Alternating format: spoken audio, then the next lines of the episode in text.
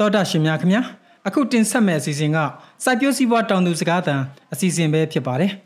မြမထောပရာသီမှာကုံသွေးရဲ့အခက်ခဲကြောင့်ပြပစည်းကွက်ပျက်စီးမဲ့အခြေအနေနဲ့ကြုံတွေ့နေရပါတယ်ဒီသတင်းကိုမတ်ကြီးမုံကပေးပို့ထားပါတယ်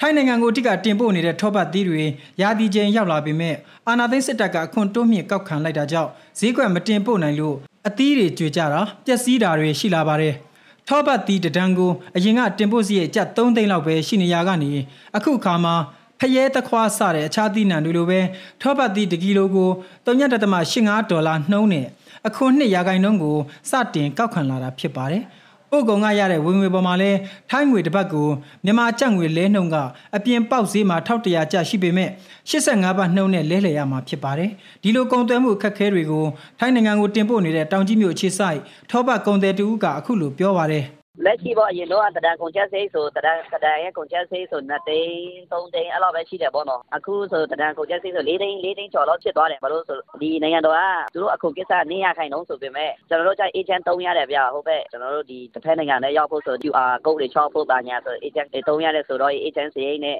ကျွန်တော်တို့ဒီလမ်းပေါ်မှာလည်းကုန်ချက်စိတ်နဲ့ပေါ့ခြေဟိုခြေဒီခြေစိတ်နဲ့ဆို5 6သိန်းလောက်တက်သွားတာပေါ့နော်2သိန်း3သိန်းနဲ့5 5သိန်းလောက်တက်သွားဆိုတော့အခုမှပဲတောင်သူတွေကအခုမှပဲစားဆိုင်တာစားဆိုင်တာထွက်တာလည်းမကြသေးဘူးဆိုတော့တောင်သူတွေပေါ်ပဲတက်ရောက်မှုတွေရှိတော့ဗျာအရင်တော့1ကီလိုကိုကုန်ကျစရိတ်200 300ကြားရမယ်ကုန်ကျစရိတ်ကိုဒီအခုခက်ကိစ္စကြောင့်မလို့1ကီလို5 600လောက်တော့ဝက်လုံးလောက်တက်သွားတယ်ဗျာထောပတ်တီးကိုရှမ်းပြည်နယ်တောင်ပိုင်းမှာစီးပွားဖြစ်အတိတ်ကစိုက်ပျိုးပြီးချင်းပြည်နယ်၊ကယားပြည်နယ်၊ကချင်ပြည်နယ်၊စကိုင်းတိုင်းထပ်ပိုင်းတို့မှာလည်းစိုက်ပျိုးကြပါတယ်။တောင်ပေါ်ဒေသခံတွေအတွက်မိုးရာသီမှာအတိတ်ကစိုက်ပျိုးတဲ့ရာသီပေါ်သီးနှံတွေထဲမှာအစိတ်ထုတ်ပြောင်းကအတိတ်ကဝင်ငွေရသီးနှံဖြစ်ပါတယ်။ ကော်ဖီလက်ဖက်စတဲ့နှစ်ရှည်သီးနှံတွေထဲမှာတော့ထောပတ်တီးကအရေးသွေးကောင်းအောင်ခုဆွရိတ်သိမ်းနိုင်လာတဲ့ဤပညာတွေရရှိပြီးတဲ့နောက်မှာထောပတ်တီဟာဈေးကွက်ကျဲပြန့်လာပြီးတောင်သူတွေအားထားရတဲ့ဝင်ငွေရသိနှံဖြစ်လာပါတယ်။လက်တလုံးမှာတော့အခွန်တိုးမြင့်ကောက်ခံလာလို့အသီးတွေမတင်ပို့နိုင်ပဲတနစ်တာအပင်ပြုစုထိမ့်သိမ့်စရိတ်တွေအပြင်ထောပတ်တီးကရတဲ့ဝင်ငွေအကျိုးမြတ်ကိုပါလက်လို့ဆုံးရှုံးရတော့မယ့်အခြေအနေဖြစ်လာပါတယ်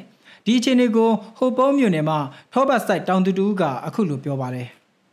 နိုင်ငံခြားရောင်းဝယ်လို့အဆင်ပြေတော့ ကျွန်တော်တို့လုပ်တဲ့ထောက်ပံ့တွေတော့ အဆင်ပြေတယ်လို့ပဲ တောင်သူအနေနဲ့ အဆင်ပြေတယ်လို့ပဲ ပြောရမှာပေါ့ ဒါပေမဲ့ တကယ်တမ်းဆိုတော့ စိတ်ထဲမှာပေါ့နော် ဘယ်အစိုးရပဲ အုပ်ချုပ် အုပ်ချုပ်ပေါ့နော်တကားဖွင့်စနစ်နဲ့ဆိုရင်တော့ ကျွန်တော်တို့ပြောတယ် အခုလောချင်ကြတော့ ဘာမှလည်းမကြည့်ဘူးဖြစ်နေစူးစမ်းတာလည်း တနည်းထက်နဲ့ မဟုတ်ဘူးလေ ထောက်ပံ့ဆိုတာ ၃ နှစ် ၄ နှစ်လောက်မှအစရောင်းရတယ်ဆိုတော့ ဒီနှစ်ဒီလိုပုံစံတော့ လုပ်တဲ့လူလည်း စွန့်ကုန်တော့ပေါ့နော် သူတို့လည်း ရောင်းရတာခက်တဲ့ခါကျတော့ ကုန်ကြတာတော့များ ဥပမာမျိုးစားတဲ့အိတ်ဆိုရင်တော့ယာရာမီလာဆိုရင်တော့ နောက်ဆုံးများတဲ့ဟာဆိုရင်တော့တအိတ်ကိုတသိန်း6တောင်းလောက်ရှိတယ်အဲအဲ့လိုမျိုးအခက်ခဲတွေတော့အစာကျွေးတာရဲ့အတီးပေါ်လာတဲ့အချိန်ကျမှဒီလိုဖြစ်တာတော့နည်းနည်းလေးတော့စိတ်ပြက်စရာဖြစ်တယ်ပေါ့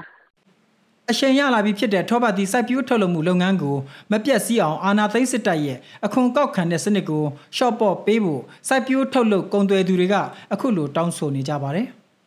တောင်သူတွေပဲပြန်ခံရမယ်ဗျ။ Okay ကျွန်တော်တို့ဒီတနေ့လောက်ပေါ့နော်ချူတီခွန်ခဏဆိုင်းခံပြီးတော့မှဒီအရင်လိုမျိုးနားလည်မှုပုံစံနဲ့ကျွန်တော်တို့သွားလို့ရမယ်ဆိုရင်ဒီဒီတနေ့လဲစိုက်တဲ့သူလဲပို့ပြီးများများပြားလာမယ်ဗျ။စိုက်တဲ့သူလဲများပြားတယ်ငကိုစိုက်ငကိုစိုက်ထားပြီးသားလူလဲပို့ပြီးတော့မှတော့သူတို့ဒီထောက်ပတ်ပင်ကိုကောင်းကောင်းပြုစုမယ်ဘာညာဆိုရင်တော့သူတို့ export ကုန်တွေကောင်းကောင်းလေးပြန်ထည့်မယ်ဆိုရင်လာမယ့်နေ့ဆိုရင်ထောက်ပတ်တောင်သူတွေလည်းအကျိုးဖြစ်မယ်ဟိုဒန်ချိန်များများထွက်ရင်လည်းလာမယ့်နေ့ချူတီခွန်လဲနိုင်ငံတော်အတွက်လဲပိုအကျိုးရှိမယ်ပေါ့နှစ်ဦးနှစ်ဦးနှစ်ဖက်လုံးအကျိုးရှိမယ်ပေါ့လက်ရှိအခြေအနေက ဒီထောက်ပတ်ကအခုမှစတင်ပြီးတော့မှ grow အခြေအနေလောက်ပဲရှိသေးတယ်နိုင်ငံတော်ကဒီအကုန်ကိစ္စနဲ့ကောက်လိုက်တော့တချို့တောင်သူတွေကနားလည်မှုလွဲတာပေါ့နော်တချို့တောင်သူတွေကစိုက်ဖို့ကြောက်ရွံ့တော့သွားတာပေါ့နော်